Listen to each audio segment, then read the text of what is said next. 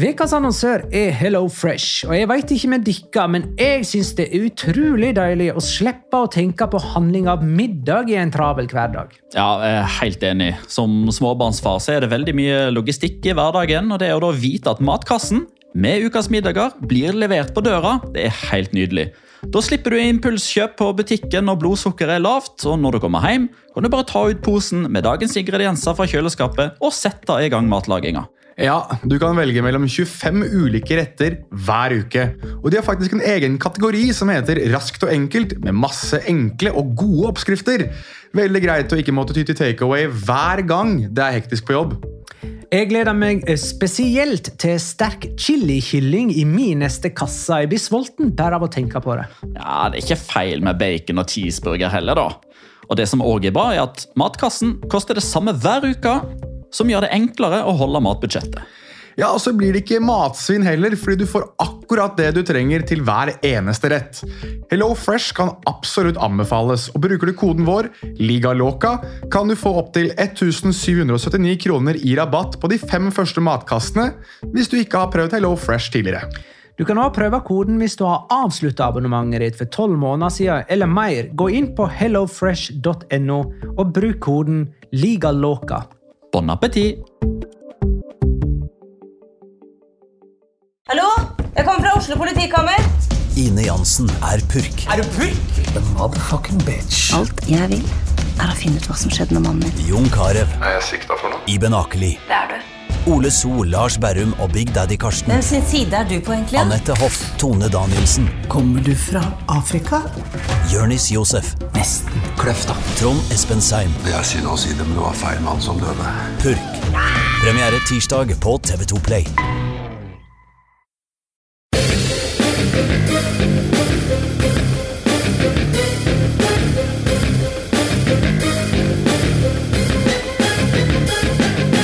Har du sett? La Liga er i gang igjen, selv om vi ikke helt vet når første runde egentlig er ferdig. Men så lenge verken Barcelona, Real Madrid, Sevilla eller Atletico er med, kan mer obskure klubber som Valencia innta tabelltoppen. Celta Vigo og Villarreal derimot er nærere nedrykksstrid. La liga loca. En litt gærnere fotball. Ja, ja, ja, dette er La Liga Loca, episode 130 av det ordinære slaget med meg, Magnar Kvalvik, hei, og Jonas Giæver, hei. Opp, opp, opp, opp, opp, opp. Ok, og Petter Veland, hei. Det blir et beskjedent hei herfra. Du er jo på Spydeberg, du, Petter, for det, heiter, må heite på Spydeberg når det er et berg.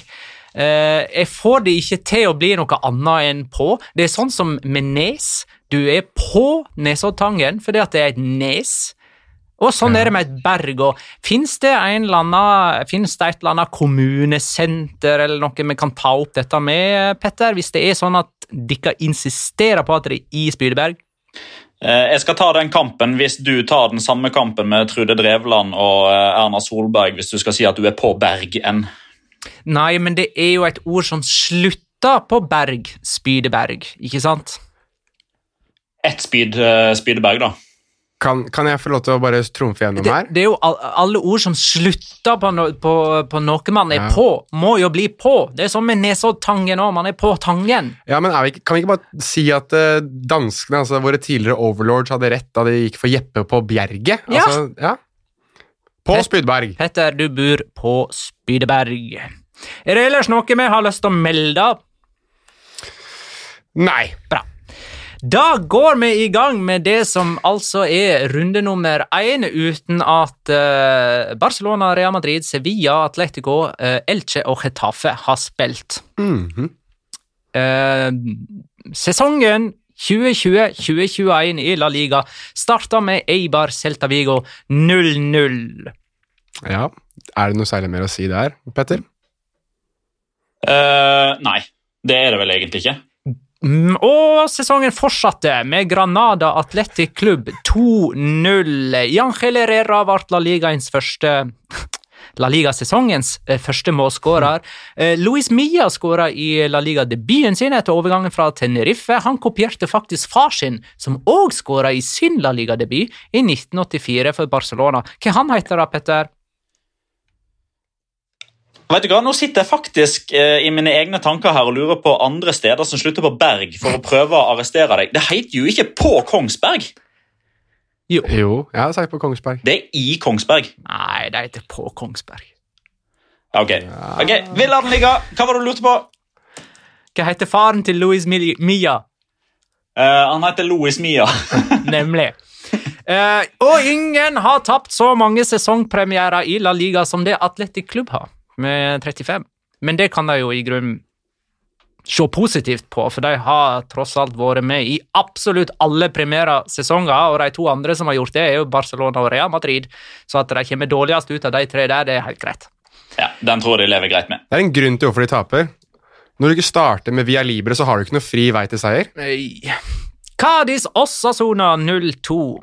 Heimetap for Cádiz i deres første primærkamp på 14 år. Eh, Adrian Lopez ga Osasuna 1-0 før eh, Ruben Garcia dobla ledelsen med skåring etter innkast. Og Forrige sesong skåra Osasuna 14 mål etter innkast. Det er rimelig sjukt. Den eh, fikk jeg fra Pedrito Numeros. Eh, Dette her skjedde for øvrig få døgn etter at Chimi Avila ble langtidsskada nok en gang for Osasuna. Ja, Her må jeg bare, før Peter skal få lov til å komme med en lang avhandling, må jeg få adressere litt. Grann. Altså, Har det blitt sånn nå at du og jeg har byttet posisjon, Magnar? At når vi hyller noe sånn opp, ned og i mente, så skjer det noe grusomt etterpå? For Tidligere så var det jo deg. Nå var det jo meg som satt og sa at det jeg gleder meg mest til denne sesongen, her er å se Chimi Avila, og dagen etter så ryker korsbåndet på det andre, eh, det andre kneet hans. Han har jo røket det tidligere òg.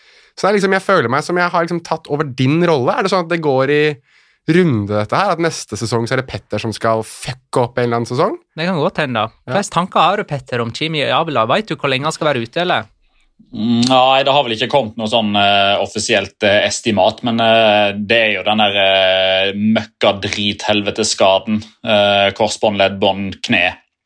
Halvt år minst, og så er det opptrening. Og så ser man jo nå at uh, godeste Chimi Avila dessverre har en, eh, en fysikk som eh, ved første øyekast ser veldig imponerende ut. Altså Han ser jo veltrent og bortimot skummel ut, men han har kanskje gått på bekostning av eh, styrken i kneet. da, for det, det skal jækla mye til for at du tar uh, bånd i begge knærne eh, i løpet av en åtte-ni måneders tid. Altså, Som regel når man har lange skadeopphold som blir eh, erstatta eller eh, på mange måter fulgt opp av et nytt langt skadeopphold, så er det gjerne det at man, man kommer tilbake litt for tidlig, og så er det det samme kneet som ryker. Men denne gangen så var det faktisk motsatt, så det er helt for jævlig.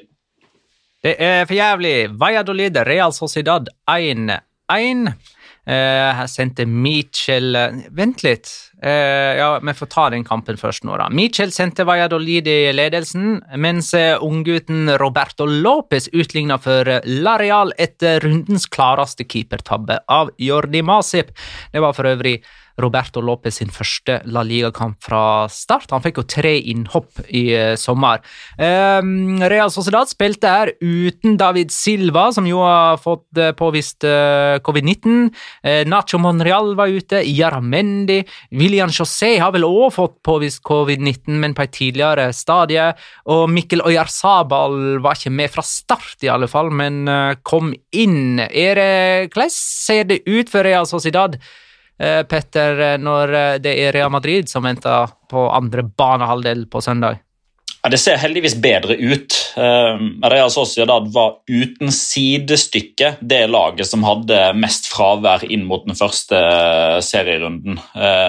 Og, men heldigvis for deres del så, var det ganske mange av de som ikke spilte nå denne første serierunden, som allikevel er aktuelle for spill mot eh, Real Madrid. Altså, David Silva har sin aller første eh, treningsøkt med Real Sociedad i dag. Så får man nå se om, eh, om fire dager med trening er nok til at han er med fra start. Det vil jo bare tida vise. Eh, Nacho Monreal sies å være kvitt den eh, skaden som holdt han ute. og Da var det vel gjerne snakk om at han, han sikkert kunne ha spilt den bortekampen mot Valladolid dersom det sto om eh, europacupplasser i slutten av sesongen, men der valgte man å ikke ta noe, ta noen sjanser. Så de to skal i hvert fall være tilbake igjen, og Miquel Sabal spiller jo nesten helt garantert fra start. Han var jo ikke med fra start nå pga. at han, han, har vært ute med, med covid-19 og hadde et litt tynt treningsgrunnlag. så det ser heldigvis bedre ut for eh, laget fra San Sebastian. Eh, Josu Galdos, Fran Galdos Fransen spør vil Ander Baranechea få sitt, få sitt virkelige gjennombrudd denne sesongen. Hvor høyt rangerer han? Jeg syns han hadde en fantastisk bra, bra kamp. Jeg synes, um, altså da, vi, da, vi, har sett han tidligere, så virker han som en sånn type uh, impact-sub, da, eller en kar som kan komme inn og, og, gi noe helt nytt til et lag. Men det virket som han hadde fått litt mer for seg det at han skal ha et ansvar i det Lareal-angrepet spesielt, og, og, ved flere anledninger så tenkte jeg at, uh, at uh, her kommer han til å ha noe helt spesielt denne sesongen, hvis man klarer å spille han opp i de posisjonene hvor han er rettvendt og får gå på mål. Jeg, synes, jeg håper at, eh, at Lareal på en måte får satt mer i gang den der connection mellom han og Alexander Isak, og jeg tror at med uh, Auyar Sabal og Silva da, som potensielt inn i det laget der, så kan du få noe ekstremt spennende, også i form av at du kan angrepe på så mange forskjellige måter. Så jeg tror, jeg tror, du får se enda mer av hvor god Barenechea kan være med en klarere playmaker lenger framme i banen. For det syns jeg ikke de hadde i den kampen, og det gjorde jo det at de manglet en del av målsjansene sine. Enda et eget produkt, Barenechea altså, mens et annet eget produkt, Roberto Lopez, var mannen som uh, skåra 1-1 endte det altså. I Valladolid uh, Real Sociedad, og Real Sociedad tar imot Real Madrid på Anueta søndag. Kan vi snakke bitte litt om den der uh, greia til Jordi Masip der? Hva er egentlig det? Altså, Hvordan er det mulig? Altså, Ballen treffer han. Er det sånn at han har så dårlig reaksjonsevne at han ikke klarer å anse at den ballen går rett gjennom feltet der? Det var en stygg stuss rett framfor. Ja, var det? Ja, og så var det en motstander som var nesten fem meter ifra ja. Ja, Mikkel Merino gjør jo faktisk, altså Det er nesten så Mikkel Merino skal inn i Excel-arket som delaktig på scoring. Eh, rett og slett bare fordi han, han, forsøker jo å slå ballen i mål, nesten. Eh, og den bevegelsen er jo antageligvis med på å forstyrre Masip lite grann. For det der er jo en ball han skal ha kontroll på 99 av 100 ganger. Men jeg husker, det, jeg husker ikke om det var Bundesliga, eller om det faktisk var La Liga, eller om det var første serierunde i Eliteserien i år. Men i alle fall, i, i en eller annen liga så var det sånn... I alle fall. Ja, det var, det var noen fotballgreier. Det var en eller annen liga.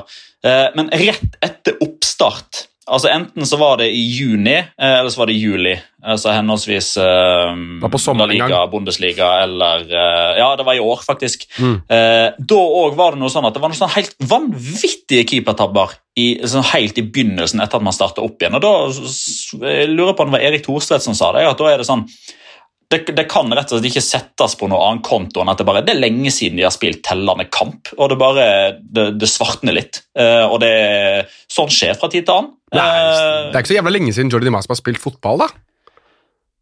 Ja, men det er to måneder uten eh, kamp for han del, da. Ja. ja. nei, Det er vanskelig å finne unnskyldninger for Jordi Masip. Vi, vi graver dypt nå. Ja, vi gjør det. Uh, det gjør vi. Eh, vi går videre til Alaves Real Betis 0-1. To lag med nye trenere. Pablo Machin for Alaves og Manuel Pellegrini for Betis. Theo matchvinner for Betis med skåring på overtid. Lytterspørsmål ifra styrmann. Er et ubetisk Betis som klarer å avgjøre en kamp på tampen, det ultimate bevis på at 2020 er fucked up beyond all recognition?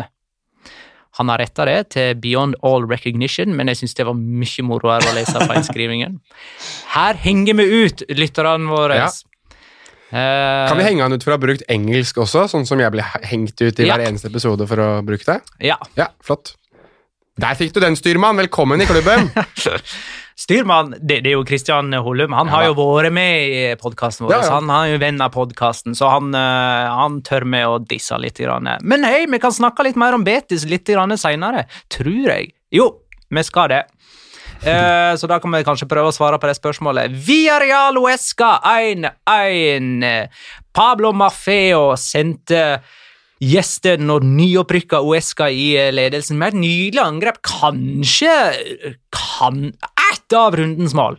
Eh, før samme mann da hensa innenfor egen 16-meter og lagde straffe som Gerard Moreno omsatte i skåring. Uesca har aldri tapt borte mot Villarreal i noen divisjon, men hvem har vel det, si? Godt poeng. Alle kampene har faktisk enda uavgjort. Uh, Villarreal har aldri vunnet en seriepremiere på heimebane i Primera divisjon, men er vi egentlig overraska? Uh, de heimeåpna heime åpna jo forrige sesong med 4-4 mot et annet nyopprykka lag, Granada. Ja, stemmer det. Den kampen spilte vel Pablo Mafeo også, gjorde han ikke det? Granada. Mm, Og Granada, herregud. Ja, Girona Granada. Her fikk jeg jernteppe. Men jeg var overrasket over å se Pablo Mafeo, for jeg visste ikke hvor i verden han egentlig befant seg. Han forsvant jo litt av eh, kartet han etter den der eh, Jo, han ble vel henta av Stuttgart, Var han det? så han, han er jo utlånt derifra nå, mener jeg. Ja. For jeg husker jeg Fra var Manchester City, da, som han var utlånt fra, fra, i mange sesonger. Er han lånt ut til uh, Nei, jeg tror han er i Stuttgarts eierskap nå. Er det noe obligatorisk kjøpsopsjon der? Vet dere det? Helt sikkert. Både fram og tilbake, opp og ned og i mente. Nei, men jeg synes uansett Det var utrolig kult å se han igjen. Han var jo, For eh, de erfarne lytterne som har hørt oss i lang tid, så husker man jo det at han ble jo litt sånn viden kjent for å være den som strengt tatt hadde frimerke på Lionel Messi i den kampen mellom Girona og, og Barcelona, der han hadde sittet og skrytet, eller skrytt av hva Messi hadde sagt til ham da han ble byttet ut, eh, om at Messi hadde vært så imponert over at han hadde hengt på han som en klegg hele den kampen. Og spurte ikke Messi òg underveis i kampen er du, er du lånt ut fra Manchester City? Petter? Det stemmer. Og det endte altså 1-1 der, via Real Huesca. Valencia Levante ble da siste kamp eh, denne runden, enn så lenge i alle fall. Eh, Denne helgen, da, får vi si. Eh, Valencia Levante 4-2. Eh, José Luis Morales med to fantastiske mål i første omgang for Levante, som leder både 1-0 og 2-1. Eh, Utligningsmålet kom ved Gabriel Paulista og Maxi Gomez, før Manu Vallejo kom inn og skåra to mot slutten av eh, andre omgang. Og da kan vi vel på en måte bønne den litt sånn grundigere Kan vi ikke, kan vi ikke bare avslutte, avslutte La Liga-sesongen der? Er vi ikke bare, kan vi ikke bare si at nå er vi ferdigspilt, og så bare lar vi tabellen stå som den gjør nå, og så er, eh, har vi kronet mester og det som er? Endre Tengren spør jeg, blir avstanden for stor for Real Madrid og Barcelona til å ta igjen Valencia når de er i gang med sesongen? Petter?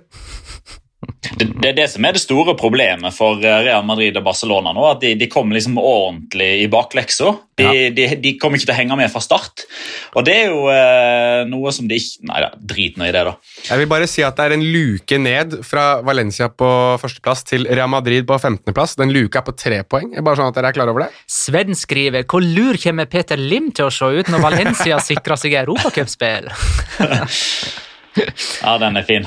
Nei, men altså, nå, eh, nå regner jo eh, altså Det er jo meg og mange andre, sikkert Jonas også, regner jo med at Meriton Holdings nå er virkelig på tilbudssida når det gjelder både Kangin Lee og Maxi Gomez, eh, og ikke minst eh, den ukjente perlo Junus Mosa. Jeg regner med at nå går, nå går det telefoner inn og ut av klubblokalene på Mestalla for å få solgt de òg før neste serierunde. Jonas uh, Mussa, vi kan godt bønne der. Tidenes yngste utenlandske spiller for Valencia, for han uh, er eh, noen dag, eller han ble noen dager yngre uh, enn det um, Kang In-Li var da han debuterte som Mm. drøyt 17-åring. da. Uh, Jonas Mussa, født i New York. Ja. Jeg mener det er Jeg lurer på om han har ghanesisk opphav, men født i New York og er engelsk Han er statsborger. engelskmann, ja. Mm. Og de henta jo han fra U18-laget til Arsenal i fjor, Stemmer. i, i september, og spilte da for eh, eh, reservelaget til Valencia, altså Valencia med Steia forrige sesong, men han ser da voksen ut for oppgaven. Ja, starta litt vrient for han, da. Det var vel hans, Gjorde det? var det ikke han som ga Nei, bort det var, det var Esquerdo. Det var, jeg, skal, jeg skal ha feil på Jeg ble tatt litt på senga der. Ja, det var Vicente Esquerdo hadde en tabbe helt i begynnelsen som gjorde at Morales skåra etter bare 35 sekunder. Eh, Det var Ja. ikke Jonas Mossa. Jeg ønsker han involvert han òg. Ja, ok, mulig jeg bommer. anyways. Jeg var så forbanna uansett, så jeg tenkte vel ikke så mye over hvem det var som ga bort den ballen, annet enn at den hadde gått i mål. Nei, han virka driblesterk. Ja, ja. Modig. Og så, har han jo, så må vi jo bare ta det. altså Det er, litt, det er jo sikkert veldig stereotyp å si, men han har jo fysikk, da. Det er jo, han har jo kjempefysikk på sin Ja. side. Virker jo å ta for seg i det som er av dueller. Hadde et skudd i tverrlegger, Ja. var nære ved å skåre. Og jeg tenkte da jeg så lagoppstillingen, at uh, Havi Gracia Jeg begynte nesten å lure på om han demonstrerte litt liksom, ved å sette innpå en 17-åring for å vise hvor ille det står til, noe som vi har gitt fra oss mange spillere. Men det viser jo seg at eh, Mosa er voksen nok for dette. Vet du hva, Nå skal jeg være litt, eh, jeg være litt snill med Valencia-fansen. fordi nå, nå har vi jo brukt ganske mye tid på å snakke ned eh, alt som skjer på Mestalla. og Det gjør jo for så vidt de aller fleste Valencia-supporterne òg. Men jeg vil si at eh, det faktum at eh, Yunus Mosa får spilletid i denne kampen, her, er jo utelukkende pga. at de har solgt unna masse spillere, som gjør at stallen er tynn. Og han er på mange måter satt inn litt som et eh, Kall det gjerne Jeg kan godt eh, stille meg litt bak din jeg håper si, åpningsteori her, eh, Jonas, som at han, nei, Magnar, Magna, med at han Javi Gracia demonstrerer litt og kjører inn på en 17-åring, og kanskje er det liksom direktiv fra høyt der oppe med at eh, ja, det er bra med Kanjin Lee, men vi må ha flere. Vi må la Ogo Giamon spille. Vi må ta gjerne opp en, en unggutt, eh, helst født i 2002. Akkurat på samme måte som at Ansu Fati kun fikk mulighetene for et år siden fordi halve Barcelona-stallen var skada. Så da eh, får vi håpe for Valencia sin del at det går like bra med han, da. Men skal vi snakke litt om den pressekonferansen som Havi Gracia hadde på eh, fredag, eller? For eh, det var jo de som trodde at da han ble ansatt av Peter Lim og Meriton Group, at eh, han ble ansatt fordi han kom til å være en nikkedokke for dem og bare gjøre akkurat sånn som de ba han om, eh, i motsetning til det Marcelino gjorde, eksempel. Men denne pressekonferansen som Gracia hadde på fredag, minte jo mye om Marcelino. Ja, definitivt. Og det minnet jo om en trener som på ingen måte er, fornøyd med det som foregår i klubben, og la jo ikke akkurat så mye lokk på det. Og det jeg syntes var interessant, var jo Så skal jeg si at jeg satt og fulgte disse med lupe, men det var jo flere eh, Watford-journalister og folk som fulgte Watford veldig tett, som sa det at eh, det var mye tull i den klubben der òg, men det var aldri noe poeng der Havi Gracia egentlig eh, lot seg vippe av pinnen eller snakket veldig i overskrifter eller var negativ til det som foregikk. Så var, altså konsensus var at eh, det skal mye til for å gjøre han forbanna. Eh, Men her holdt han jo egentlig ikke så veldig mye igjen. Sa jo rett ut at jeg får ikke de spillerne jeg ønsker. Jeg har bedt om sånn, sånn, sånn. Jeg ble lovet sånn, sånn, sånn. Og har ikke fått noe av det. I tillegg så selges alle unna, så vi vet ikke hvordan vi skal på en måte forholde oss til det prosjektet vi har blitt lovet. Og det syns jeg er på en måte veldig forfriskende. Men på, på en annen måte så er det jo enda en fallitterklæring til det som foregår i, i Valencia. Um, så jeg, jeg vet ikke helt om, om de på en måte har trodd at de har fått en type som Albert Salades 2.0, som kan holde kjeft og gjøre jobben sin, uh, eller om de rett og slett bare ikke har gjort jobben sin grundig nok da, i å finne en type som vil høre på alt det de har å si. Og det ville jo ikke vært noen kjempeoverraskelse hvis Meriton Holdings og Anil Murti igjen har klart å ansette noe som ikke går etter deres etos. Petter? Det er jo det som er liksom konteksten her. Eh, altså Havi Gracia har jo nå gjort, eh, om enn ikke bokstavelig talt, men han har iallfall i konteksten da gjort akkurat det samme som Marcelino gjorde for ett år siden. Med å kritisere eierne offentlig. Han fikk fyken, og veldig mange å si, i og rundt klubben sa jo at det var jo jeg håper å si, steg eh, X i Marcelino sin eh, på mange måter oppførsel der han ikke gjør som han får beskjed om, altså at han ikke er en nikkedokke. Og, og veldig mange av de som eh, jeg håper si, støtter Meriton, det er ikke så veldig mange av de lenger nå, men deres eh, begrunnelse, eller egentlig støtteerklæring til Meriton eh, når de sparka Marcelino, var jo at ja, de, de kan jo ikke ha en trener som, som kritiserer eieren. Det skaper jo bare dårlig stemning. og så er det det Havi Grasa gjør egentlig i ja, Det er vel den andre offentlige eh, pressekonferansen Javi Gracia har. Da. Klart han ble jo presentert eh, og hadde sin første seanse da. og Dette var jo den første eh, liksom, i sesong, og så bruker han den til å gjøre det veldig klart eh, overfor alle, uten noe som helst filter, uten noe som helst tvil, om at han ikke er fornøyd med, med de tingene som har skjedd i Valencia etter at han ble ansatt. Kan jeg si det? Kan jeg si hva han gjorde for noe? Vær så god. God gammeldags 360 fuck you direkte til Meriton Holdings og Anil Murti. Der ser du. Der har du explicit-merke på denne episoden her òg. Hver gang jeg sier det, så må vi få appellert inn det, tror jeg. Men det er jo, men jeg tipper at eh, For å bruke et annet ordspill istedenfor, jeg tror nok at Valencia-supporterne sier et riktig stort gracias til Havi for at han faktisk sa det veldig mange tenker, da. Mm. I litt bedre termer og litt bedre uh, ordelag enn det de aller fleste kanskje har gjort. Nå er det jo, Dette må jo skyte inn, jeg vet ikke om vi tok det siste episode, men altså, klubb, eller supporterkontoret på Mestalla er vel blitt kasta ut av Mestaya fordi de har appellert mot Meriton. Altså det, vi er på det punktet nå hvor de supporterne rett og slett blir rensket ut av stadion. Altså det, er, det her er veldig steile fronter, for å si det veldig mildt. De har vel hatt kontor på Mestalla i 40 år, Ja, det er vel noe sånt. og så, nå får ikke de lov til å være der lenger. Nei. Eh, og det er forholdet som rår da, mellom Peter Lim eh, og supporterne til Valencia om dagen. Ja, det var jo òg demonstrasjoner i byen før kamp, der man hadde Jeg husker ikke nøyaktig hva som sto på dette banneret. Meriton sånn, game Meriton over. out. Game over var det. Mm. Uh, så det er ikke en eh, optimal oppladning til uh, kamp, men uh, ja. Som sagt, vi hadde de på tolvteplass på tabelltipset, og det er klart at altså, Utrolig viktig for Valencia å eh, komme ut av den første serierunden med tre poeng på beina, spesielt etter den starten. altså 34 sekunder. Du kunne jo ikke ha funnet på eh, en eh, mer valensiansk åpning enn at eh, de lå og svømte med fire mann på gresset mens Morales trilla inn 1-0 etter 34 sekunder. altså Det var jo skrevet i stjernen at det kom til å skje. Men der, derfra ut så, så viser jo uh, Javi Gracia og hans utvalgte god moral. altså Det er lett at man bare legger seg ned og dør eh, etter den starten der, når eh, omgivelsene er som det er. Så det er jo eh, utelukkende positivt med tre poeng, men samtidig, hvis man ser litt bak resultatet der, så er det et forsvarsspill som fortsatt er alarmerende, som ikke kommer til å holde gjennom en sesong, med tanke på å ta nok poeng til at altså disse sportslige ambisjonene som Javier Gracia snakker om, da, altså han fikk jo både spørsmål og tok jo Champions League-ordene i sin munn. Eh, altså, de kommer ikke til å være i nærheten av det hvis de skal fortsette å forsvare seg på den måten som de gjorde eh, mot Levante. Eh, Chris Robin Eriksen gir oss jo et eh, Havi Gracia-sitat her etter kampen. Eh, Resultatet kan ikke skjule de feilene vi gjorde. Jeg skulle ønske vi kunne skåre fire mål i hver kamp, men det blir vanskelig, så vi bør heller fokusere på færre baklengs. Vel, lykke til eh, med det. Kan jeg bare få skutt inn hvem det var som ble dribla på rumpa på 2-1-skåringa? Husker du det, Magnar? Jeg husker hvem som ble dribla på rumpa på begge. Ja, han ble dribla på det ene skåringa.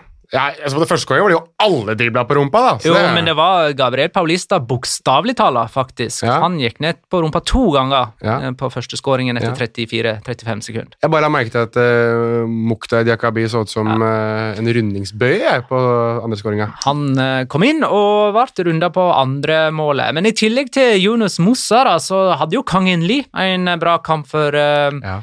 Valencia. 19 år eh, gammel fra Sør-Korea. To målgivende pasninger på han. Eh, og er denne kampen da et kremeksempel på det Guillem Ballagé sa til TV 2, om at dette her blir en talentsesong i eh, Spania eh, pga. økonomisk situasjon og komprimert sesong? Det kan jo godt ligge an til det. Eh, altså bare I denne kampen her så har vi jo snakka om to av de potensielle som virkelig får sitt gjennombrudd. Altså Kanjinli har vi jo snakka om ganske lenge allerede. Mosa kom jo opp fra, fra intet, litt sånn som Ansu Fati gjorde for et år siden. Eh, det er henholdsvis 2001 på Kanjinli, det er 2002 på Mosa og 2002 på Ansu Fati. Han har en lagkamerat som heter Pedri, som vi har sett enormt mye spennende av i Segunda for, eh, for Las Palmas. Eh, og, og bakgrunnen for ja, og, og bakgrunnen for uh, Guillaume Ballagé sin, sin påstand er jo at uh, covid-19-situasjonen uh, gjør at eh, økonomien er som den er. Vi har vært så vidt eh, innom det at den har truffet spansk fotball litt hardere eh, innledningsvis eh, enn de andre ligaene pga. måten man budsjetterer på. Eh, og med et håp fra La Ligas side da, om at det trekket de gjorde, da, gjør at de kommer seg ut av den økonomiske knipa på tilsvarende tidlig. eh, kontra de andre ligaene. Det er en mer komprimert eh, sesong som jeg tror absolutt alle som har fått et spørsmål om Martin Ødegaard sin eh, kommende sesong, har brukt ordet komprimert eh, om eh, sesongen. Det skal spilles flere kamper på færre antall uker, som gjør at man må spre kampbelastninga. Og man må jo òg ta høyde for at det kan komme smitteutbrudd, både enkelttilfeller, som sånn har vært i sesongoppkjøringa, men òg såkalte klyngesmitter, som gjør at på et tidspunkt så kan det hende at det er både tre til fem til ja, La oss håpe at det blir så lavt som mulig, da, men at eh, trenere plutselig har en bunch med spillere som ikke er tilgjengelig i to uker når de skal i isolasjon, og så må de trene seg litt opp igjen i etterkant. Som gjør at spillere som man ikke nødvendigvis tenker så mye over akkurat nå, kan få den muligheten. Og noen av dem kommer til å gripe den med begge hender, sånn som Mosa ser ut til å ha gjort nå, sånn som Ansu Fati gjorde for et år siden. Vi snakker om Ander Barnechea i Real Sociedad-praten. Altså det er jo eh, altså Av 2001-modellene, da, altså Takefuso Kobo viste seg fram for Mallorca forrige sesong. Rodrigo viste seg fram i Real Madrid forrige sesong. Borja Sainz i Alaves bruste virkelig med fjærene på slutten av forrige sesong. I tillegg til Ander Barnechea. Brian Hill eh, kom antageligvis til å bli leid ut fra Sevilla til en annen La Liga-klubb. Kanskje Cádiz, kanskje Elche, og få masse spilletid der. Eh, Diego Laines. eh, apropos eh, det vi snakker om, altså han brukte to og et halvt minutt han i innhoppet. Han kom inn på overtid og ble helt avgjørende. Han skaffa corneren, og han tok corneren kjapt mens Alaves fortsatt var i ubalanse. Um, Hugo Guillamon er 2000-modell. Venicius er 2000-modell. Uh, Oyhan Sanset er 2000-modell. Roberto Lopez, som skåra for Real Sociedad nå, er 2000-modell. Eh, Så det er rett og slett enormt eh, gøy og ikke minst spennende å, å ha en sånn inngang til sesongen, der man kanskje toner ned forventningene og Eller ikke tone ned forventningene, men kanskje i stedet for å bare belage seg på at uh, Eden Hazard skal slå til, og Joao Feli skal slå til, og at uh, Coutinho kommer tilbake, og Dembélé, at vi òg har det der øyet på talentene gjennom hele sesongen. Det blir veldig spennende. Mm. Skal vi, før vi forlater Valencia helt, uh, si et par ord om Manu Vallejo, som jo kom til Valencia forrige sesong, fikk spille minimal rolle, og så kommer han inn her og er sjefen. Ja, det kan si veldig mye om det. Han kom Eh, inn på to torer og skåra to mål. Og, og, Ja, og sørga for at Valencia vinner 4-2. Var det ikke han som hadde Var det borte mot Valladolid, der han også kom inn og hadde en scoring i fjor? Eh, Eller bommer jeg nå? Eh, Han skåra to mål i fjor, jeg husker ikke det i farten eh, hvordan, mener- eller hvordan de kom. Jeg mener å huske at det var borte mot Valladolid, for der var det så ekstremt mye vind. Det blåste jo papirposer ut på banen og sånn. Jeg mener å huske at det var han som skåra. Ja, det kan stemme, men vi må jo ha ha i mente her at Rodrigo Moreno er solgt til Leeds, og, Ja. jeg og, liksom det tomrommet der kan ja, eh, pa, Vallejo fyller fylle det. Ikke drukket vin i dag. Nei, du, jeg ser det. Du sitter og drikker vann, så jeg kan appellere hjelpe deg med det. Men, eh, Men du vet, men du vet ikke hva Magna drakk før han kom eh, i studio? det vi Ikke ikke. drukket vin i dag! Ok. Ok, da vet du det. Uansett, eh, jeg er enig med deg i det, at han kan komme inn Han får en viktigere altså, Jeg mener, Vi fikk plutselig se typer som Oros Rasic, da, som kom innpå for eh, Valencia. Altså, jeg visste jo knapt at han eksisterte fortsatt. Eh, jeg husker at han ble signert, men det er ingen som egentlig har sett han siden. Så det er jo sånne typer som det Valencia kanskje må sette sin lit til, og da mener jeg at for en type som, som Mano Vallejo, så, så kan jo dette være, som Petter var veldig inne på her nå, kan være en litt sånn breakthrough season for sånne type spillere som ham, og jeg syns han tok den sjansen her med begge hender og vel så det, og greit nok at 4-2-skåringen kommer litt på bakgrunn av at eh, Levante går i angrep med alle mann alle, men, eh, men samtidig så skal du vise deg fram fra de beste sider, så kan du ikke si at du kan gjøre noe særlig bedre enn det Manu Vallejo gjorde her. Men eh, Nei, så jeg, jeg sånn, altså Du skal regne den første kampen, og jeg, jeg var jo en av de som trodde at eh, selvfølgelig, når det, alt stormer og det er jævlig Valencia, så vinner de sikkert første kampen sin uansett. Det var jo litt det som var tankegangen min i tippekonkurransen vår. Det kan vi godt si at det var ganske lang vei dit. Eh, at man måtte gjennom en del eh, hinder for å slå Levante, men samtidig så er det jo litt typisk at det er en type som han da, som gjør noe litt utenom det vanlige. Og Neste kamp for Valencia er jo borte mot Celta Vigo, og vi har vel tippa Celta Vigo over Valencia. Det har vi helt sikkert. Så da vinner Valencia den kampen. Men kan jeg bare skyte inn en som jeg er skuffa over, som jeg nå har vært skuffa over i over en sesong, eh, med tanke på at det har gått én kamp denne sesongen her. I Valencia? Ja, vet du hvem det er? Ja, det er ganske sikker på at du skal inn på en som eh, har både fornavn og etternavn som begynner på G. Det er helt riktig. Altså, jeg, jeg skjønner. Det er veldig rart, den der Gonzalo Geders-greia. for eh, Da han var på lån fra Paris Saint-Germain, så var han jo King Kong. Altså, Da var han jo kongen av Mestaya og kunne knapt gjøre noe feil. Og så fort de kjøpte ham og han, Jeg vet ikke om han har blitt bekvem eller hva det er for noe, men altså, han ser jo ikke ut som han husker hvordan man spiller fotball. Jeg sammenligner litt med nå skal jeg ta en film som jeg regner med at du ikke har sett, Magne. Kanskje en av få filmer du ikke har sett, men det minner om Space Jam. Den filmen der Jeg vet en slags film det er. ja, ja, men der eh, disse romvesenene stjeler eh, kreftene fra alle NBA-stjernene for å Er ikke Michael Jordan med på den? Michael Jordan er med. Han er ikke en som får kreftene sine stjålet, for han har jo lagt opp. Han har jo lagt opp. Han skal jo spille med, med snurresprett og sånn. Det- Eller hvis han taper, så må han være slave på Moron Mountain resten av livet sitt. Er det sånn, skal, jeg, skal jeg skrive dette inn i uh, timestampen vår? Space Jam. Uh, Space Jam-referanse av Jonas. Ja, jeg synes det. Hvis det hadde vært minutt ja, nå er vi litt over. Hadde det vært minutt 23, så hadde det vært dritkult. Men, uh, for det er jo nummeret til Michael Jordan. Men uansett, Gonzalo Geders virker som han ikke lenger har de samme superkreftene som han så ut til å ha i sin første sesong i Valencia. Det var poenget mitt. Der ser du. Eh, da hopper vi videre nå. Vi må snakke om andre lag òg, f.eks. Real Betis, som altså slår Alaves borte 1-0 med overtidsskåring av Christian Theo. Vi hadde jo ganske høye forventninger til Real Betis denne sesongen, mye pga. Pellegrino, så hva er førsteinntrykket? Petter? Det første inntrykket er vel egentlig litt sånn som det første inntrykket var etter at Lopetegi hadde sin første kamp for Sevilla forrige sesong. Eh, Jeg syns han klarer å egentlig få et eh, mer sånn hva skal jeg si, kollektivt godt svar på det han holder på med, eh, og at det kanskje ikke var Altså Det jeg tenkte etter de, de første to-tre kampene med, med Sevilla Lopetegi, var at det ikke nødvendigvis var like gøy som objektiv, nøytral fotballsupporter å sitte og se på Sevilla, men det gir de bedre resultater. og Jeg lurer på om vi kanskje er i ferd med å se noe av det samme i Betis. Jeg vet at det er veldig tidlig, men startelveren eh, Og der er jo det som er stikk motsatt. altså Lopetegi hadde vel syv eller åtte debutanter fra start i den første kampen, så hadde, man hadde enda mer forståelse for at man gikk litt sånn med safety first. La oss komme godt i gang, la oss få dette prosjektet ut eh, fra startblokkene i OK tempo.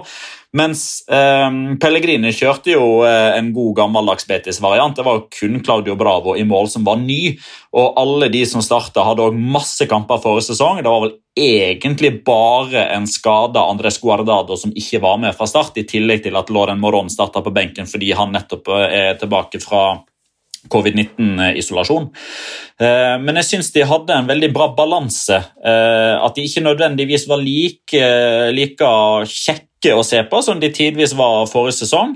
Eh, Og så har man jo selvfølgelig også litt sånn tur da med måten den avgjørende skåringa kommer på, men det er gjerne litt sånn Altså, Flaks detter ikke ned fra himmelen. Eh, altså, Det er noe du gjør deg fortjent til over tid. og Manuel Pellegrini er en sånn type som i alle fall jeg tenker du har en aura som gjør at noen ganger, oftere enn andre, så blåser liksom ting hans vei. Og Hvis han klarer å få den vinden til å blåse Real Betis sin vei, da tror jeg vi er inne på en, en veldig spennende gang her. Mm. Uh, Jesper Tørstad skriver Trenger du en skåring etter 80 minutt? 80 minutt? Ring Christian Theo. Og så lista han da opp eh, Theo sine siste sju skåringer i La Liga. Mot Alaves fire minutter på overtid.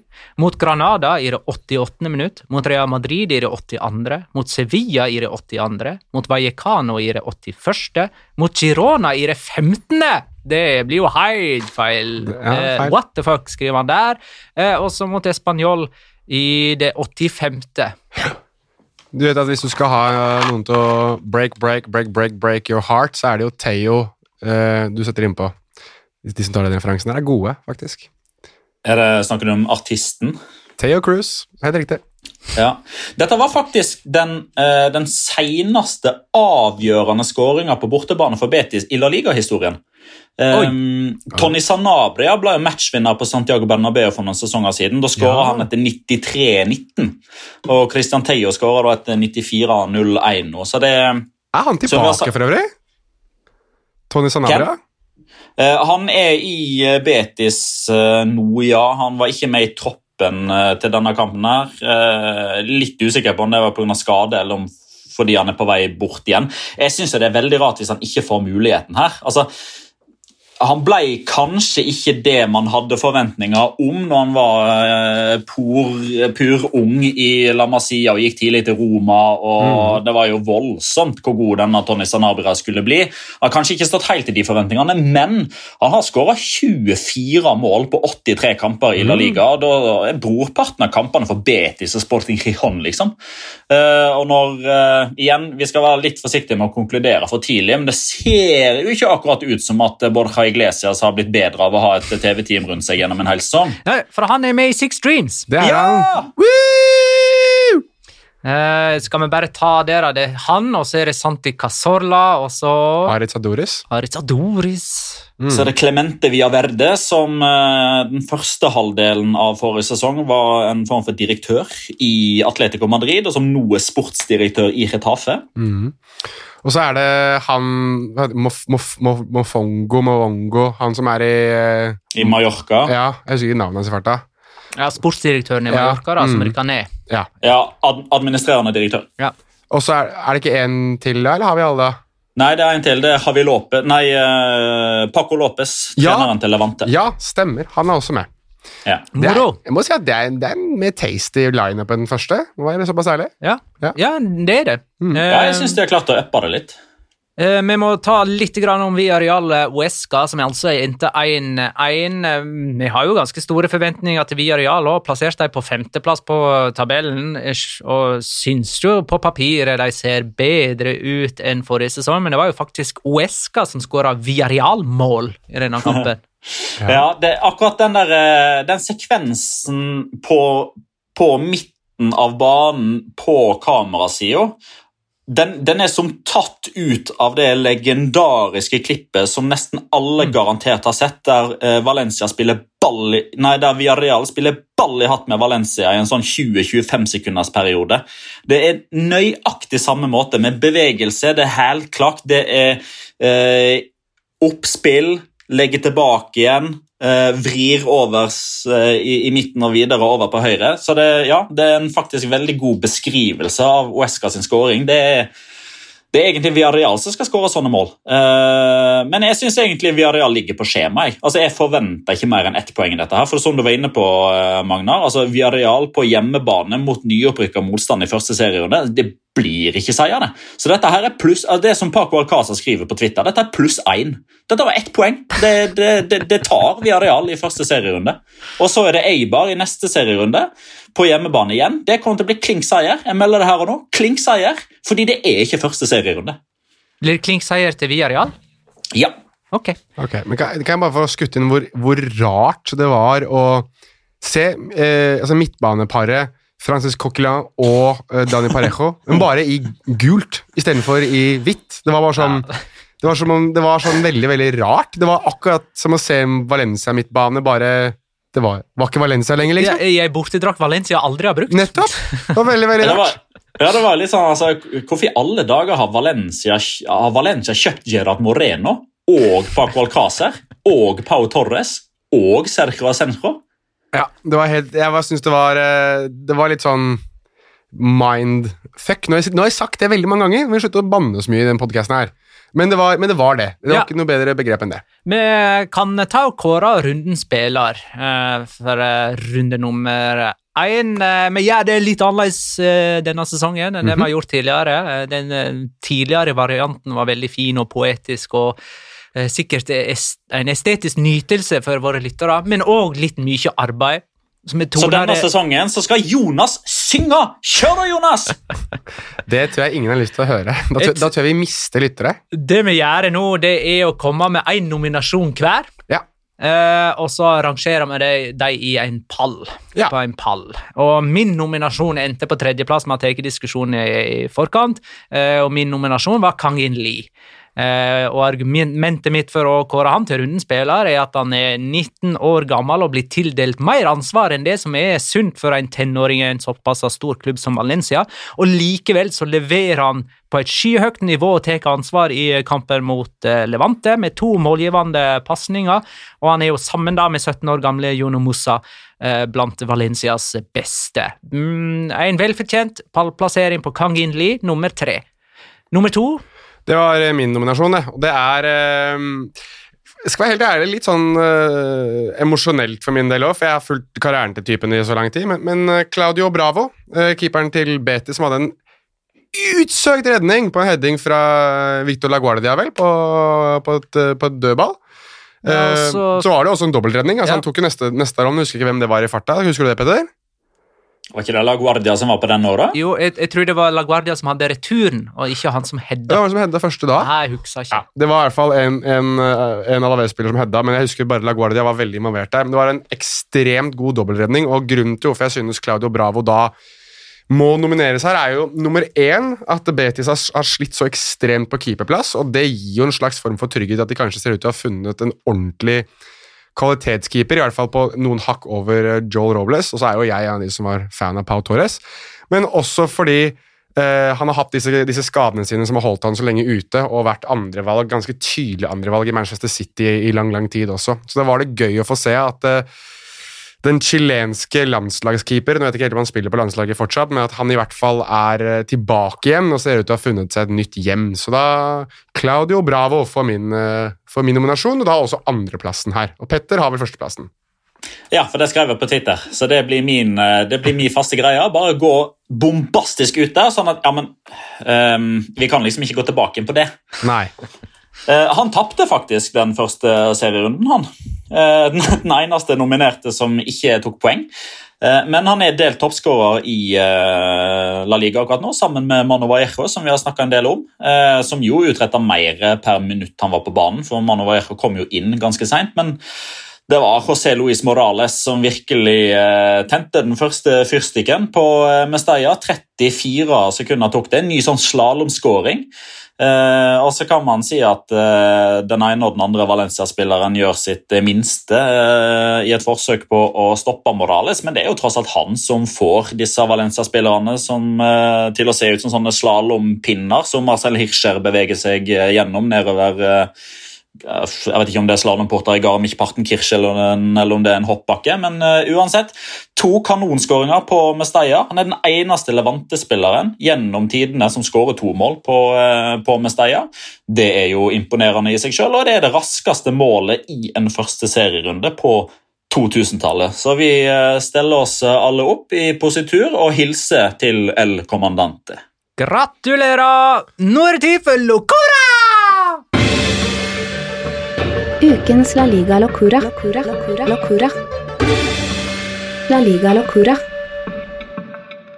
Den første Locoraen vår på en stund. For vi hadde vel ikke Locora gjennom sommeren? hadde Vi Nei, vi, vi valgte jo da Vi hadde jo ikke runden spiller heller, for Nei. det var jo to runder eh, for Mm. hver episode, minst. Ja, men vi hadde jo det du omtalte vel som superduper ultra mega quiz championship. Ja, det var når hele fotballen lå. Ja, riktig. Mm. Nei, så jeg tror Så er det riktig for øvrig? Var det riktig sagt? Superduper mega yeah. ultra championship quiz. Spot on. Uh, så dette er vel første gang siden mars, da. Både med runden spiller og med Locora. Vi bra? Eh, min Locora går til forsvaret til Valencia, selvfølgelig. Uh, Deres forsvar uh, framstår jo nesten som en parodi på seg sjøl. Etter et helt år med masse kritikk for klønete baklengsmål, så leter de seg så grundig lure hver gang Morales drar ei skuddfinte, og da går de altså bokstavelig talt på ræva, flagrende med armer og føtter mens de er helt ute av posisjon. Eh, og i tillegg så pådrar de seg nye skader. Eh, det er nesten som de sier I fjor var det ille, men vi kan gjøre det enda verre. Og keeper Haume Domenek, som varte opp med faktisk flere gode redninger, enkelte dobbeltredninger Hver gang så reiser han seg opp og slår oppgitt ut med armene og ser eh, fortvilt på forsvarerne eh, framfor seg. Så gratulerer til deg, som likevel da fikk eh, tre poeng. og Lykke til til Havi Gracia. Jeg lurer på, Petter, har du noe Valencia-relatert locora òg? Eh, det har jeg. Og så må jeg bare få skyte inn at i det øyeblikk du begynte å snakke om forsvarsspillet til eh, Valencia, så dukka det opp i Twitter-feeden min fra Onda Deportivo at nå er Valencia svært nære å sikre seg Jason Morillo. Så kanskje er det han som skal eh, løse problemene. Mm, kanskje, kanskje. Eh, Milokora er litt sånn eh, si, bakvendt land, eh, med tanke på hvordan vi presenterte vårt eh, tabelltips for eh, ei uke siden, der vi jo hadde Villarreal på femteplass og Valencia på tolvteplass. Locoraen er litt mer eh, sammensatt enn at eh, Valencia for øyeblikket har tatt to poeng mer, for det er jo ikke så gøy. Men det som liksom ligger som er liksom bakenforliggende for resultatene her, er jo eh, hva slags klubbtilhørighet eh, enkelte spillere har hatt tidligere. Altså, Vi har snakka om at det er veldig mange spillere som har gått fra Valencia til Villarreal i sommer. Det er jo helt riktig. Eh, Francis Coquelin og Dani Parejo starta sentralt på midtbanen for Villarreal. Francis Coquelin ble båret av banen på båra med skade. Heldigvis ikke veldig alvorlig, men det var hans debut for uh, Villarreal.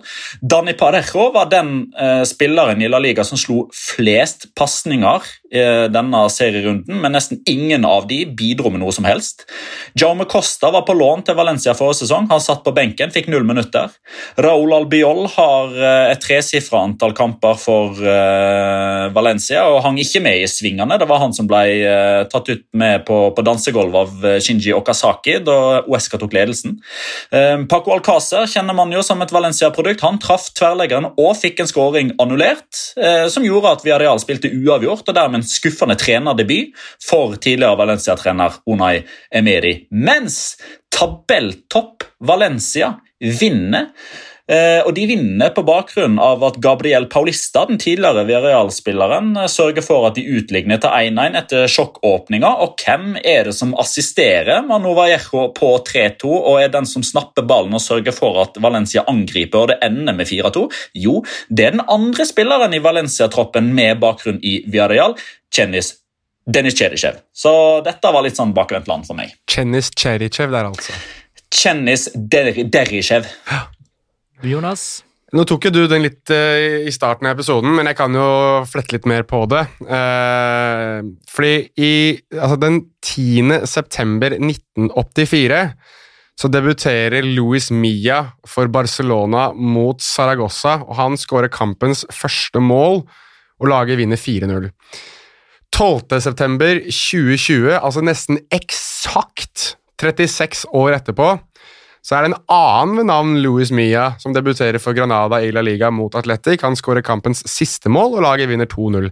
Dette er da altså far og sønn som har skåret i sine La Liga-debuter. Så er jeg slengt på litt sideinformasjon da, for de som tror kanskje at alt går til helvete for Barcelona. I 1984-1985 så var jo Granada i La Liga. Den sesongen var det faktisk Barcelona som vant ligaen. Atletic endte på tredjeplass, Saragossa, som var i La Liga den gangen, endte på tiendeplass. Så hvis vi skal tenke at historien gjentar seg enda mer, så er det jo når Luis Mia skårer i sin La Liga-debut, så er det Barcelona som vinner ligaen. Ok, nå søker vi paralleller her. Ja, man prøver, man Men- prøver. Men, men det som er litt spesielt med den uh, debuten til uh, Louis Mia, altså far uh, Louis Mia, som heter da Luis Mia. Aspa, Louis Mia Aspas, eh, faktisk. Eh, han debuterte jo i eh, La Liga. Da var han veldig ung. Dette Mm. var i, i som du sa, i, i september 1984. Eh, og Det var jo en serierunde som i utgangspunktet skulle bli utsatt pga. at det var streik i spansk fotball, men i stedet for at man eh, for at man eh, utsatte alle kampene, så stilte man med bortimot rent juniorlag i stedet. Så på den måten så fikk jo Luis Mia da sin debut, og han skåra i debuten. og ja, Resten er historie. Jeg tror Lobo Carasco spilte den kampen der, hvis jeg er helt feil. Ja, anyways. Eh, det var i hvert fall Terry Wendables eh, som var trener. Ja. Vakkert, vakkert. Vi fikk eh, et spørsmål forrige gang som jeg har lyst til å ta nå. Eh, det kommer fra Lasse. Eh, blir det planlagt i Spania for en sesong gjennomført på vanlig måte? Sannsynligheten for at pandemien fører til problem med gjennomføringen av sesongen er meget høy. Høy, skriver Er Lasse. Hæ? Ja, altså, En- vent nå litt nå, da. Eh, hvilken turnering ryker eventuelt først? Kan det være cup, eksempel? Eh, kan det bli færre enn 38 matcher i serien? Eh, og påvirker pandemien overganger? Eh, det siste der er jo et klunk- klinkende klart ja. Eh, overgangsmarkedet er veldig påvirka av dette. Ja, skal vi fortsette? Beklager. Ja, nei, jeg tenker jo eh, Real Sociedad eh, hadde mange flere spillere ute etter på covid-19-påvisning. Ehm, og nå er jo òg Diego Simione ute med covid-19. Mm. Eh, mange har spøka med at det betyr at covid-19 må i karantene eller et eller annet. Eh, var ikke noe Det var en dårlig vits i så fall. Ja, var ikke det det? Jeg, jeg, Ja, tror, var jeg tror Petter sjøl dro den der. Ja, han var skikkelig dårlig. Ja. Jeg tenker jo da at uh, jeg gleder meg til å se Nelson Vivas på sidelinja. Det er jo mannen som jeg har eh, tidligere hintet om at det står og river av seg skjorta i forbannelse når ting ikke går hans vei. Så det, han blir jo morsom å se som da Ettersom han tar over for Mono Burgos, som ikke er i Atletico Madrid lenger. Mm. Men Ja, det eh, påvi det mm, påpeker jo Alexander Larsen til oss her. Ja. At det er jo veldig typisk at Simione får den her sykdommen, nå som eh, Burgos er vekke og ikke kan eh, være den jernhånde på treningsfeltet. Ja, jeg tror ikke Nelson Vivas er så mindre jernhånd Ja, det enn hende, Burgos er. eh, Men uh, uansett uh, Det er jo litt sånt Det er et godt spørsmål, men samtidig så er det et veldig sånn selvinn... Altså det, det spørsmålet besvarer seg selv. Altså Hvis en spiller er det her vet vi jo. Hvis en spiller har påvirket covid-19, så spiller han ikke. Så enkelt er det. Men det er jo litt det samme som at vi har tidligere hatt spillere som har vært syke og ikke kan spille. Men bare at dette her er kanskje litt mer akutt, da. Det går, de går på skadelista. Ja, Sånn er det. Sånn er det. Og det, jeg tror ikke at det, det er noen turneringer som ryker i første omgang. Eh, Det som kan skje, er jo at enkeltkamper må utsettes, sånn som det skjedde i Segunda-divisjonen i juli. ja, og så har du jo det punktet hvor altså Nå hadde jo Spania dette i fjor, men du har jo, kommer jo ikke til å gå, akkurat til å gå tilbake til dobbeltoppgjør i cupen, f.eks. Det er ganske beleilig at de har begynt å spille enkeltoppgjør gjennom, gjennom cupen nå, eh, sånn som det har blitt. Ja, men det er jo sånn da, at programmet er tett nok som det er, og må én kamp utsettes, eh, så blir det store problem. Ja, Det er jo derfor man har satt grensa på én utsatt kamp. Altså, Alle lag i La Liga har kun én kamp å utsette. Eh, og jeg, Hvis man eh, sånn egentlig da, ikke er i stand til å spille to kamper på rad etter hverandre, eksempel, så blir kamp nummer to satt som tapt 0-3. Mm.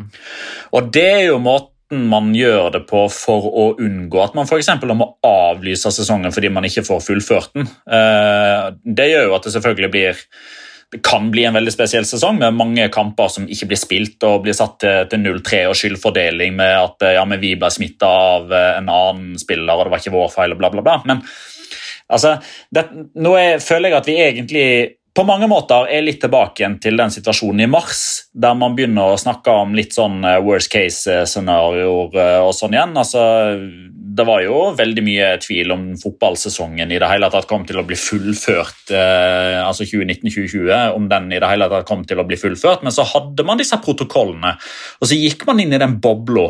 Og det er jo det at man ikke har vært i den bobla nå de siste to månedene fordi spillerne har vært på ferie og vært dels uansvarlige, og alle har reist til Ibiza og blitt smitta der. Det er jo derfor eh, Mikael Ørsabal, Inyaki Williams, David Silva og disse her har blitt smitta, fordi de har vært på reisefot. Eh, og man eh, kom, kom da i situasjoner som man ikke kommer til å være i i nærheten av, eh, altså i like stor grad, de neste ni månedene, fordi da er man i sesong. Da er man tilbake til de ekstremt strikte, protoko strikte protokollene med hva du har lov til, hva du har ikke lov til.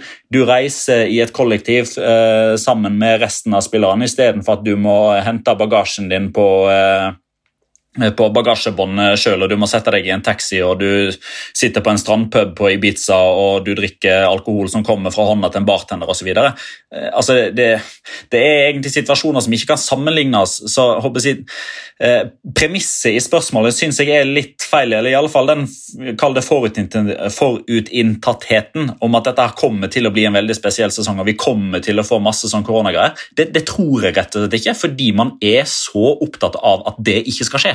Ja. Eh, Da tar vi spørsmålet til Mathias Hagen. Hva tenker dere om at Barcelona potensielt stiller med en argentiner som ikke vil være der, en uruguayaner som ikke, de ikke vil ha, og en franskmann som nesten ikke skårer på topp? Eh, nå, denne argentineren det er snakk om, det er Lionel Messi. Hæ? Uruguayaneren det er snakk om, er Luis Suárez, og der ser det ut til å være en ny vending òg. Hva tenker du på nå? Jeg tenker på Madrid? Luis Suárez har vel fått beskjed Nei, han har krevd at siden Barcelona bare vil ha han vekk, så har han krav på årslønna si som, som gjenstår. Og det vil jo ikke Barcelona betale. Nei, det er vel det man ønsker, er vel Så de er villige til å bare gi han vekk, mens Ja. han da krever òg lønn eh, for eh, det gjenværende kontraktsåret sitt. ja. Luis Suárez eh, kjører the hard way, der eh, Arturo Arturo Vidal. Vidal, sier eh, 'will take it the easy way'. Mm. Altså Han frasier, frasier seg det siste året mot at han får lov til å gå gratis til Inter. Mm. Det er forskjellen på de to. Og Det gjør Vidal, ja. Vidal gjør det. Men det gjør ikke Luis Suárez. Nei, fordi han har sikkert en ganske Han har ganske lønning. fet lønning. Eh, og det kan i, i teorien ende opp med at han blir i Barcelona, plassert på tribuner, og da ikke som en av reservene, men en som ikke får lov til å spille. Jeg tipper at det kommer en Ah, løsning det er sånn Koman eh, i Valencia-opplegg. Ja, det er ikke ja. sånn som var vel Albelda, var det ikke det? Som ble sendt til er Flere? Baraja eh, Ja, Kangola. Canizares. Ja, jeg husker spesielt Albelda, som bare forsvant opp på tribunen og ble filmet hele tiden. Men hva syns vi Altså, er vi for altså, Ser vi på dette med litt for analytiske øyne hvis man legger noe i det faktum at Messi ga bort uh, straffespark til både Griezmann og Coutinho i treningskampen mot gymnastikk i helga? Nei, jeg tenker jo at det betyr at han ønsker å få opp selvtilliten deres mest mulig, og det er jo bare vanlig, for jeg tror Lionel Messi har jeg tror Lionel Messi noen gang i sin karriere har hatt nesten et punkt der, hvor han har, dårlig, har hatt dårlig selvtillit. I hvert fall ikke etter at han begynte å skåre mål. Jeg tror han vet selv at han er så god som han selv ønsker, og da er han bare bedre enn alle andre. Mens Griezmann og, og Coutinho spesielt, jeg tror Coutinho da, på sett og vis må nesten gjenvinne litt av den respekten fra Barcelona-publikummet, og kanskje fra Barcelona etter at han nummer én spilte så ekstremt ræva etter den gigantiske overgangen sin, og nummer to senket Barcelona Eller, det er feil å si, han senket ikke Barcelona, han pisset på Barcelona som lå med brukket rygg i en sølepytt da han spilte for Bayern München og skåret to mål i denne famøse kampen. Det var vel strengt tatt det Coutinho gjorde, så det var, det var um, interessant nok, men det som jeg synes er eh, ekstra spennende for å vri det spørsmålet til, til noe annet, er jo det at hvis Barcelona klarer å få i gang Griezmann som kanskje den spissen, da, at han skal spille i den rollen som Suárez har spilt i, og Coutinho begynner å spille eller begynner å spille for Barcelona, strengt tatt. Han har ikke gjort noe særlig tidligere. Og kanskje klarer å få i gang Osman Dembélé, så har du potensielt tre spillere som forsterker det Barcelona ettertrykkelig offensivt. Eh, Kontra i fjor, hvor det strengt tatt bare var Messi, Suárez og tidvis Ansu Fati. All right. Skal vi tro, skal vi tro at uh, Luis Suárez kommer til en slags enighet med Barcelona og går til Juventus? Jeg tror han forsvinner, i hvert fall. Ja. Petter? Kjapt, kjapt. Uh, Atletico Madrid. Atletico Madrid, faktisk. Ja, han tror fortsatt på det. Det har jeg jo egentlig allerede sagt når, uh, det var når vi skulle si på likt uh, hva som Ja. var den perfekte Atletico Ja. Madrid-spissen. Eh, vi skal tippe med nå. Kan jeg bare få skutt inn?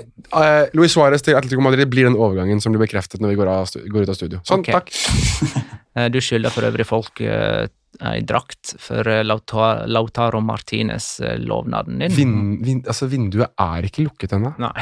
Lykke til med den, da. Takk skal du ha.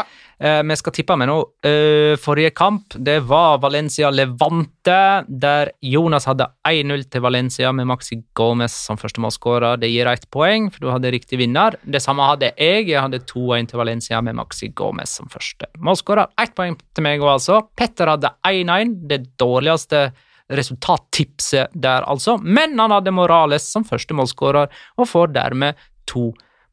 Klassisk Petter. Eh, neste kamp er Real Sociedad mot Real Madrid søndag kveld. Eh, her skal jeg gi dere tips. Ikke sett Gareth Bale som første målskårer. Eh, Shayan Jalilyan skriver Plutselig så har han fått en kneskade etter at han kom tilbake til Madrid etter å ha spilt 45 pluss 90 minutter for Wales i landslagsveka. Og det er ingen bilder av Gareth Bale på trening. Eh, mens andre Real Madrid-spillere som har vært skada, de er å se på treningsfeltet, i det minste. Andreas Svae skriver hvor mange mål skåra Gareth Bale for Real Madrid Castilla denne sesongen? Oi! Mm. Mm. Så der fikk jo egentlig Shayan Jaliljan eh, svaråra på hva skjer med Bale. Jo, han skal visstnok spille for Real Madrid Castilla, ifølge Andreas Svae. Men uh, kan, kan jeg få lov til å være han kjipe som ødelegger en god diskusjon med fakta? Uff da. Bale har ikke lov til å spille for Castilla. Jo, men kan ikke han degraderes? Nei, han kan ikke det fordi han har A-kontrakt og han er altfor gammel.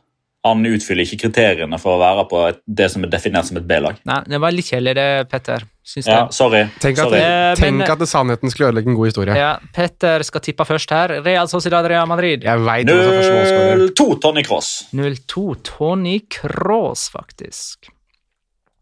Jonas. 1-2 Sergio Ramos. 1-2 Ramos.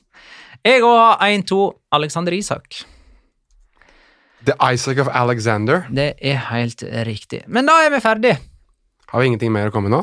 Nei, det har jeg ikke mer. Jeg syns, jeg syns det har vært en, en, jeg må bare si, en innholdsrik diskusjon om den første serierunden der Valencia er uh, serieleder. Det er- her er første og eneste gangen jeg kan si det, tror jeg, at vi avslutter en serierunde, i hvert fall i episodeform, der Valencia er serieleder. Det er alt jeg vil si. Takk for alle spørsmål og innspill. Takk for at du lytta, kjære lytter. Ha det, da.